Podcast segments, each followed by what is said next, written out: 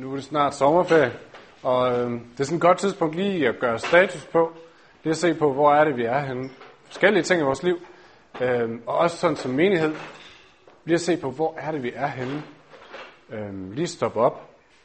For mit vedkommende er det meget simpelt. Jeg har været her et halvt år, og det har været virkelig, virkelig spændende og, og altid at komme ind i det her fællesskab og mærke, hvordan Guds ånd bevæger nogle ting men min fornemmelse er også, at der er mange af os, der sidder tilbage efter det her halvår, med sådan en fornemmelse af at være udfordret. Af at være meget udfordret. Det ved jeg ikke, om I kan genkende. Der er mange, der siger, det hørte jeg også for ganske nyligt igen, at dem, som er med til at plante en ny menighed, er med til at starte sådan et fællesskab op, som vi har været med til her. Øhm, de har brug for al mulig støtte, fordi det er en udfordrende ting at være med i. Det kan være hårdt at være med i. Jeg ved ikke, om I kan genkende nogle af dem af jer, der har været med i længere tid. Det er selvfølgelig flere grunde til, at det kan være hårdt. Men en af grundene, det er, at i den her periode, som ikke jo bare er det her halvår, men som er de sidste par år, øh, det er opstartsfasen, og det er der, man har mulighed for at lægge de sten ned, kan man sige, de byggesten ned, som skal udgøre fundamentet, de ting, man gerne vil have til at præge menigheden. Og, og en af de sten, som er, er helt fundamental for vores kirke, det er, at vi vil være en kirke, hvor vi ikke bare hører, hvad Gud siger, men hvor vi også begynder at leve efter det. Hvor vi også begynder at lade det se, hvordan det former vores eget liv, og hvordan det former mennesker omkring os. Fordi vi vil se det håb, som Gud han har for os og for verden. Vi vil se det begynde at øh, få ved mennesker, sådan at de får håb i deres øjne. Øhm, og og det betyder, at vi har haft rigtig meget fokus på det her med, okay, nu skal vi ikke bare høre Guds ord, nu skal vi gøre noget ved det, nu skal vi gå ud og, og gøre det i praksis, nu skal vi begynde at lave om på nogle ting. Og det kan være hårdt med så meget fokus på det. Det er en af grundene, tror jeg. Nu er vi kommet til sidste afsnit i Efeserbrevet. Og der snakker Paulus, der adresserer han lige præcis den her problematik. Og det skal vi prøve at se på. Vi skal høre, hvordan han vejleder nye menigheder i den her situation. Og vi skal helt, vi skal helt konkret se på, hvorfor er det, at det kan være udfordrende. Og hvad gør vi så ved den her udfordring? Vi skal læse dem af jer, der har et stykke papir. Øh, jeg løb tør for printerpapir med det hele, så der er ikke så mange. Men vi skal læse Efeserbrevet kapitel 6, vers 10, og så resten af brevet. I øvrigt, vær stærke i Herren og i hans mægtige styrke. Ifører jeg Guds fulde rustning, så I, kan, så I kan holde stand mod djævelens sniløb. Til for os står kampen ikke mod kød og blod, men mod myndigheder og magter, mod verdensherskere i dette mørke, mod ondskabens åndemagter i himmelrummet. Tag derfor Guds fulde rustning på, for at I kan stå imod på den onde dag, overvinde alt og bestå. Stå der fast, Spænd sandhed som bælte om lænden, og ifør jer retfærdighed som brynje, og tag som sko på fødderne villighed til at gå med fredens evangelium. Overalt skal I løfte troens skjold, hvor man kan slukke alle den ondes brændende pile. Grib frelsens hjelm og åndens svær, som er Guds ord. Under stadig bøn og anråbelse skal I altid bede i ånden og holde jer vågne til det, og altid være udholdende i forbøn for alle de hellige, også for mig, om at jeg, når jeg åbner min mund, må få ord til frimodigt at gøre evangeliets hemmelighed kendt. Det, som jeg i lænker er sendebud for. Bed om, at jeg ved evangeliet må få frimodighed til at tale, som jeg skal. Men for at også I kan vide, hvordan det står til hos os, eller hos, hos mig, skal Tykikos, min kære bror, den trofaste tjener i Herren, give jer besked om alt. Jeg sender ham til jer, netop for at I kan få besked om vores forhold, og for at han kan trøste jeres hjerter. Fred være med brødrene, og kærlighed og tro fra Gud Fader og Herren Jesus Kristus. Nåden være med jer alle, med alle, der elsker vor Herre Jesus Kristus, og uforgængeligt liv. Amen. Dem af jer, der har været med hele vejen igennem Efterbrevet, I er efterhånden begyndt at gribe den her øh, opdeling, som Paulus har lavet, hvor han i de første kapitler snakker om, hvor er det det kristne liv begynder. Jo, det begynder der, hvor vi hører, at Gud kalder os ind til fællesskab med ham, hvor Gud laver en pagt med os, hvor han siger, du er mit elskede barn, hvor han binder sig til os. Og han giver os alt, siger, det er mig, der står for det hele. Og derefter går Paulus videre og siger, hvad er det så for et liv, der følger? Hvordan, hvordan lever man, når man bliver formet af den Gud, der elsker mig? Hvordan ser livet i Guds rige ud? Og de sidste gange i Efeserbrevet, de sidste gange vi har kigget på det, der er, der er Paulus blevet meget konkret. Han er blevet meget konkret med at sige, okay, det her liv som kristen, det har meget konkrete øh, indflydelse på dit liv. Det har indflydelse på, hvordan du behandler din familie, dine naboer, dem du arbejder sammen med. Det har indflydelse på, hvordan du taler til din chef eller til din underordnede. Øh, det har indflydelse på, hvordan du prioriterer din tid, dine penge i din hverdag. Øh, det har indflydelse på, hvordan du, øh, hvad du gør med dit humør. Om du bare lader din hissighed løbe af med dig, eller om du faktisk bruger det konstruktivt. Paulus bliver meget konkret, meget praktisk. Det bliver sådan næsten lavpraktiske konsekvenser. Det at følge Jesus, det er ikke bare noget fromt åndeligt, noget med at huske at bede en masse og læse en masse i Bibelen. Nej, det at følge Jesus, det har nogle helt, helt praktiske konsekvenser for, hvordan jeg lever mit liv, siger Paulus. Og det er blevet mere og mere konkret. Og jeg oplever, at i takt med, at det bliver mere og mere praktisk og mere og mere konkret og simpelt, så stiger graden af udfordring. Så oplever jeg, at det udfordrer mig mere og mere. Når det ikke bare handler om at være from og hellig, men det faktisk handler om, hvordan jeg lever mit liv, så bliver det mere og mere udfordrende.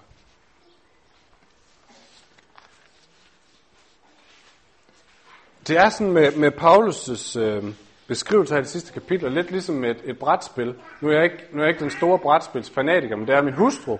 Så en gang imellem, så får hun lukket mig ind til, at nu skal vi sidde, så skal vi spille et brætspil.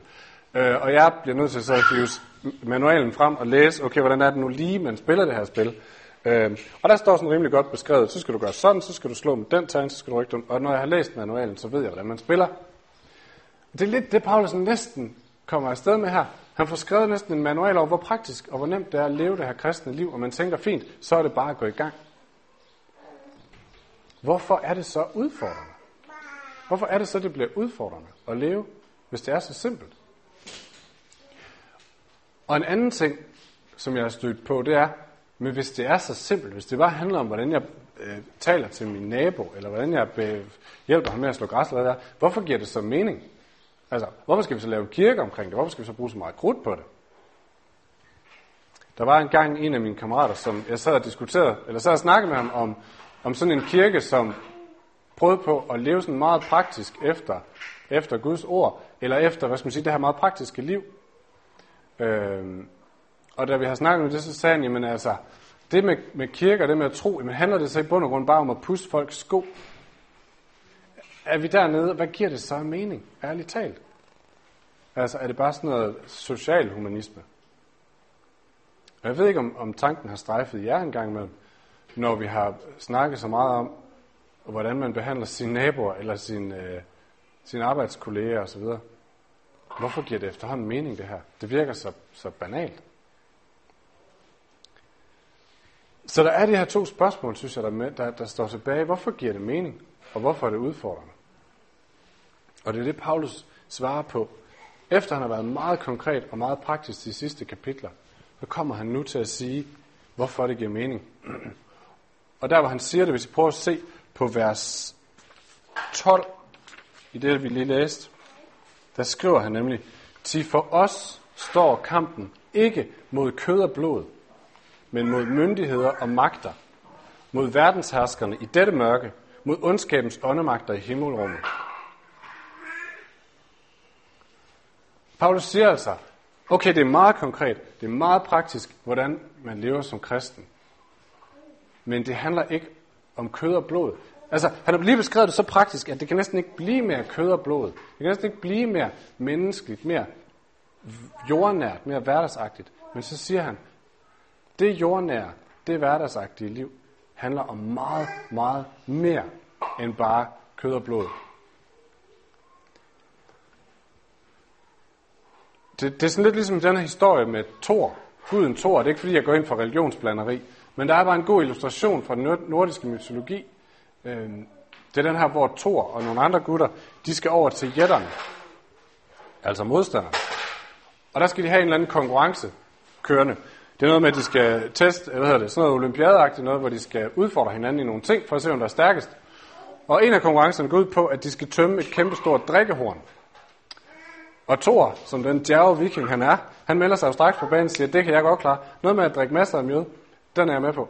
Så han går hen til det her meget, meget store drikkehorn, smøger ærmerne op, tager ved det, løfter det, og drikker, og drikker, og drikker, og drikker, indtil han til sidst må sætte hornet ned og få pustet tosser om munden, og kigge ned i hornet og se, der er næsten ikke sunket i det.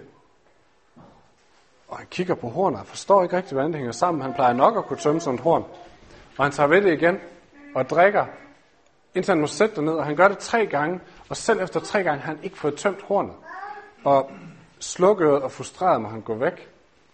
Og først senere finder han ud af, at jætterne selvfølgelig har snydt. Det var ikke et helt almindeligt horn, fordi i den anden ende, der var det her drikkehorn forbundet med havet. Så det han var i gang med, det var faktisk at forsøge at tømme hornet, eller tømme havet igennem det her drikkehorn.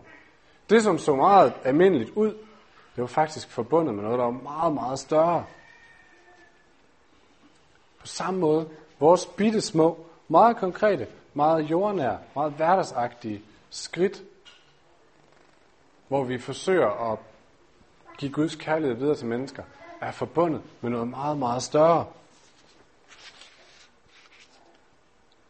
Det har ikke bare noget med forholdet mellem mennesker at gøre, nej, det er en del af den helt grundlæggende kamp her på jorden. Den grundlæggende kamp mellem den Gud, som skabte jorden. Den Gud, som skabte jorden til, at vi mennesker skal leve i relation med hinanden, i relation med Gud. Den Gud, som har planer om, at, at vi skal se, hvem vi selv er. Vi skal se, hvem Gud er. Håbet skal tænde til vores øjne, og vi skal, livet skal folde sig ud. Den Gud, som har gode planer for os, og som har skabt jorden til det. Det er kampen mellem ham, og så på den anden side modstanderen, som helt fra begyndelsen har haft det som sin plan at ødelægge alle de her relationer. Som har haft som plan at ødelægge livet ved at ødelægge forholdet mellem mennesker og Gud. Ved at ødelægge forholdet mellem mennesker imellem. Ved at ødelægge forholdet mellem mennesker og natur, ved at ødelægge forholdet mellem mennesket og sig selv. Det er der kampen står mellem de to, og det er den kamp, vi tager del i. Når, vi, når Jesus gik ud og mødte dem, som var udstødt af samfundet, så inviterede han dem først ind i fællesskab med sig selv. Og han inviterede dem ind i fællesskab, den vej i fællesskab med Gud, og på den måde så gik han til angreb på det, som ville splitte fællesskaber ad. Når vi begynder at hilse på vores nabo, og begynder at hjælpe ham med at slå græsset, eller sådan nogle meget lavpraktiske ting, så går vi op imod den onde, som ønsker at ødelægge alle relationer. Og så fortæller ham vi ham, du har tabt i sidste ende. Så det er på ingen måde nogen banal og ligegyldig kamp, selvom det er meget jordnært og hverdagsagtigt. Fordi det er en del af den store kamp, og det er på den anden side slet ikke mærkeligt, hvis det er udfordrende. Fordi det er netop ikke bare en lille kamp mod vores egen dogenskab. Nej, det er en del af den store kamp. Og det er sådan, at når vi tager et lille bitte skridt og går imod den fjende, som ønsker at ødelægge livet på jorden, og vi prøver at bringe liv tilbage, så vil han gøre alt, hvad han kan overhovedet muligt for at ødelægge det, for at hindre det, for at skabe modstand. Der er en engelsk teolog, som, øh, som jeg har læst en del af, som han er sådan en meget højkirkelig, anglikansk teolog. På ingen måde nogen karismatisk pinsefyr. Men han, har, han, han skriver på et sted, at hver gang han skal til at skrive noget om lige præcis det her med, at vores kamp er ikke mod kød og blod, men at det er en kamp, den store kamp. Hver gang han bevæger sig ind på det emne, så sker der noget mærkeligt.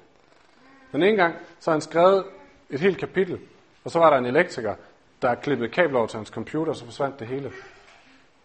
En anden gang, han sad og skrev på det, lige da han var færdig med at skrive det, så gik hans computer ned, og det hele var væk. Og så kan han fortælle om, hver eneste gang han bevæger sig ind på det område, så er der bare en modstand imod det. Og vi kan ryste på det og sige, at ja, det er tilfældigt. Men jeg tror, hvis I lægger mærke til det, så vil I opdage, at lige så snart vi bevæger os ud i en kamp, hvor vi forsøger at gå imod den ondes angreb, hvor vi forsøger at bringe livet tilbage i verden, så vil den onde give modstand.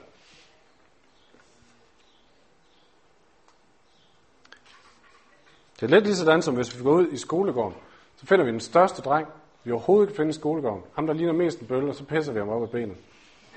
Vi kan lige så godt gøre det på den måde.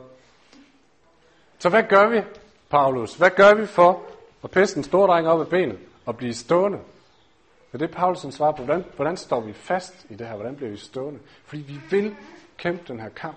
Vi vil bringe livet ind i verden. Vi vil det liv, som Gud giver. Vi vil, at det skal have mere plads i menneskers liv. Hvordan bliver vi stående? Jesus siger et sted, at den eneste måde at pisse op af den største drengs bukser på og blive stående, det er ved at stå sammen med ham, der er større. Og det er lige præcis det, vi gør. Når vi bevæger os ind i den her kamp, så står vi ikke bare som den lille David mod Goliat, men så står vi sammen med ham, der er større. Så står vi med ham, der er gået ind i den her kamp, som har taget den her kamp, den store kamp mellem livet og mod døden. Ham, der bankede bølgen. Ham, der fik, fik overvundet ham.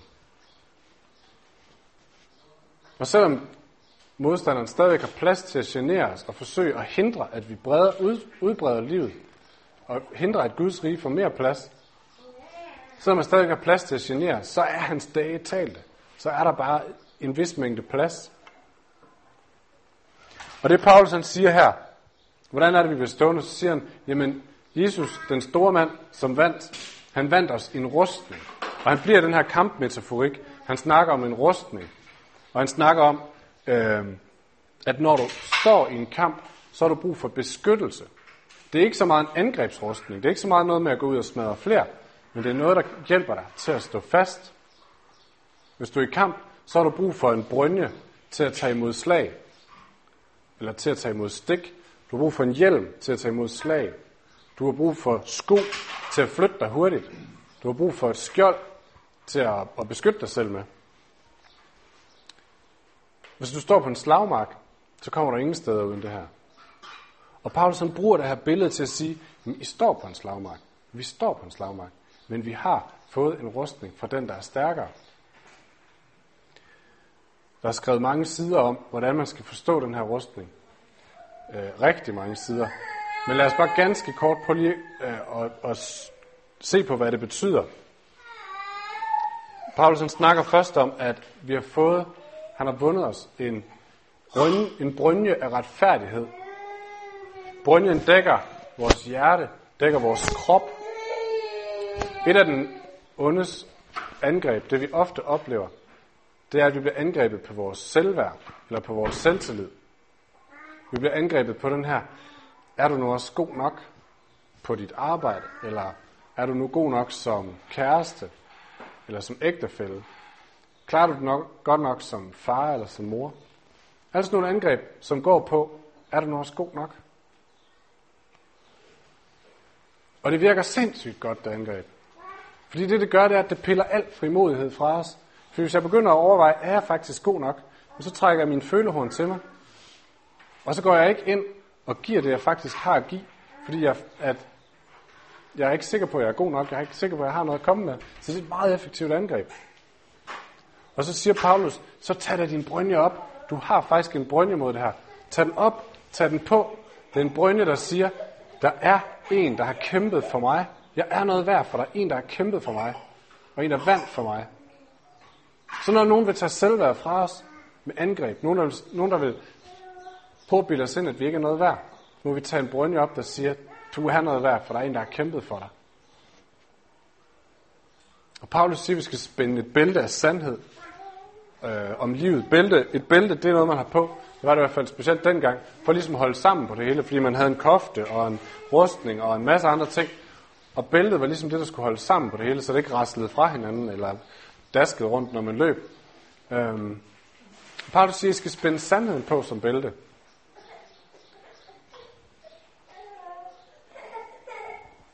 Når det, når det er sandheden, der er bæltet, det der holder sammen på mit liv, så er det ikke mig selv, nogle gange kan man godt have en fornemmelse af, at man skal holde styr på sig selv.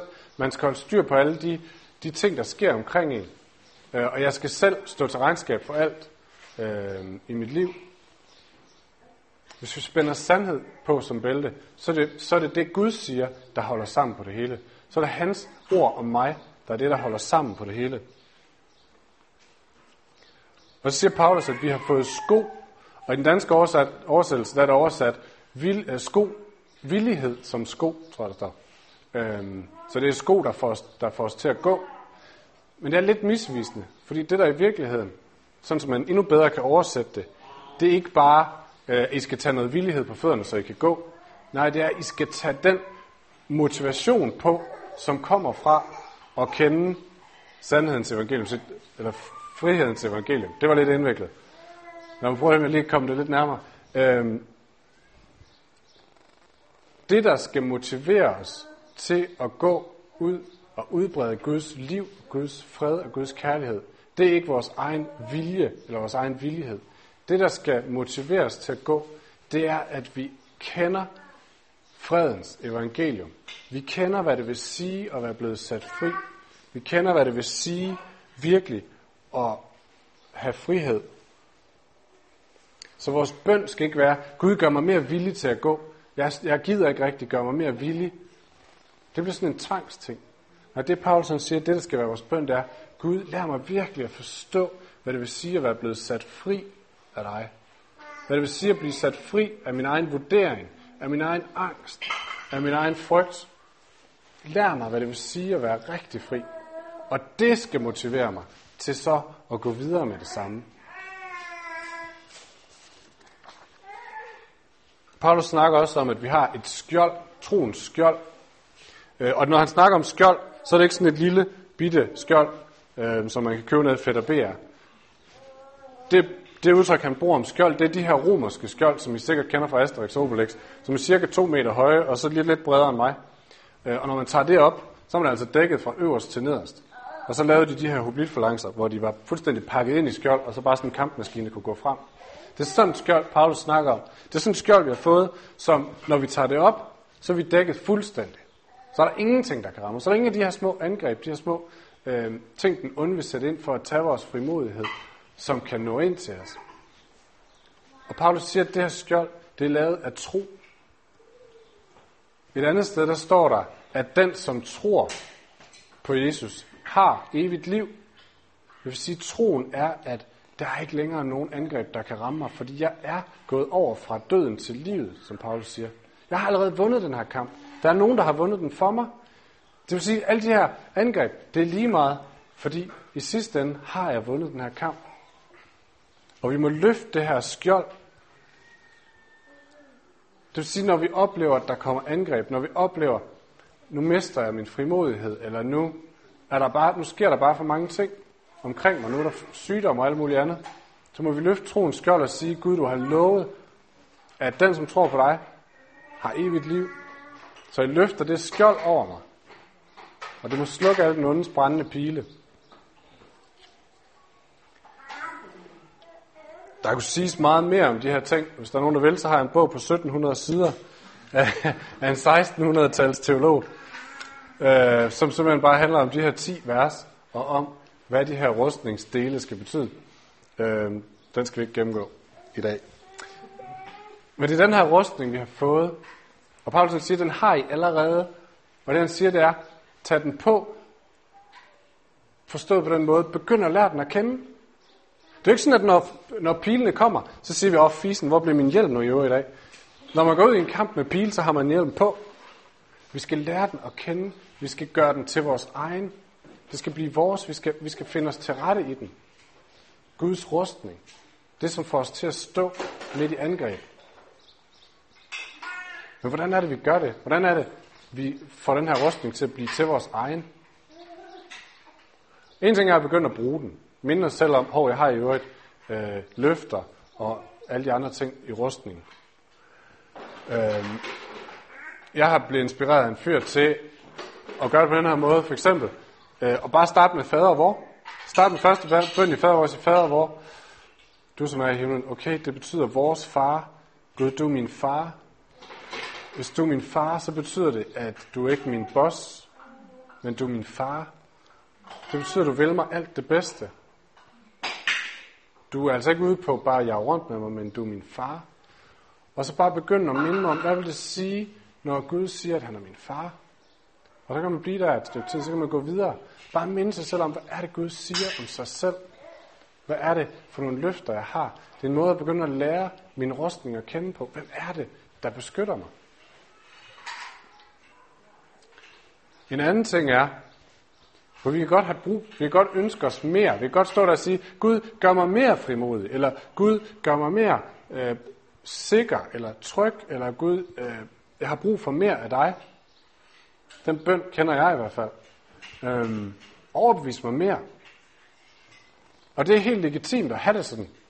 Men jeg tror nogle gange, når vi kommer der og siger, Gud, giv mig mere, giv mig mere, så siger Gud, men prøv at høre, jeg ved ikke, om jeg kan få plads til mere i dine hænder. Der er jo helt fyldt. Du har det hele. Så nogle gange tror jeg, at vi må gå til det på den her måde, for at lære vores rustning at kende, lære det, vi har fået at kende, at vi må starte med at sige tak for det, vi faktisk har fået. Start med at sige tak for alle de ting, Gud han allerede har givet os. Og hvis vi begynder at sige tak for de mest simple ting, de ting, vi i det mindste kan se, jeg har sko på fødderne i dag, det er en måde, Gud sørger for mig på. Vi er vokset op i et samfund, hvor vi tager den slags ting for givet, men hvis vi begynder at minde os selv om, at også den slags gaver kommer fra ham, som ønsker, at vi skal stå, ham, som ønsker at passe på os, men så begynder vi lige så stille at se mere med, hvad jeg har. Og så kan vi få større og større tillid til, hvad det er, Gud vil give os, og så er vi også klar til at tage imod, hvad det er, han vil give os. Og det er ikke, fordi vi ikke må få mere af Gud, det er ikke, fordi vi ikke må få mere frimodighed, men nogle gange skal vi starte der, hvor vi ser og siger tak for, hvad vi har fået, og så bygger Gud øh, på en eller anden måde, bygger han os op derfra.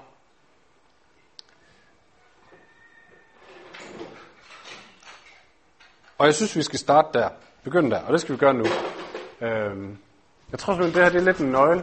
Jeg oplevede det selv i dag, hvor øh, vi har haft, lige pludselig fik vi øh, seks børn til at bo hjemme hos os de sidste tre dage, i alderen 8 til 0, øh, ej 7 til 0, og så blev de syge, nogle af dem. Øh, og sådan, der kom bare sådan flere sådan nogle små ting. Og jeg ved ikke om, det er ikke fordi, jeg vil gå ind og sige det, at det er angreb, fordi vi nu skal til at i talesæt, at den ondes kamp er i gang. Jeg ved ikke, om det er et angreb. Vi skal passe på med at gøre alle ting åndelige, men vi skal også passe på med ikke at ture gøre noget åndeligt. I hvert fald, så var det sådan, der øh, i formiddags, hvor jeg bare tænkte, åh, oh, fisen, og så gudstjeneste, og vi har ikke sovet særlig godt om natten, og alle de her ting. Øh, og jeg begyndte at sige, Gud, det går ikke. Gud, du må give, os, du må give mig noget mere selvsikkerhed, eller du må give mig noget. Og så blev jeg mindet om det her, prøv at starte med at sige tak. Og det prøvede jeg at gå i gang med lige så stille at sige, Gud, tak, fordi du faktisk har givet os et sted at være. Øhm, tak fordi der er nogen, der, skal, der, der vil spille i dag. Tak fordi jeg har en bil, der kan køre mig derned, så jeg kan være der til tiden. Tak fordi, at mine børn ikke er dødeligt syge, men de har lidt feber.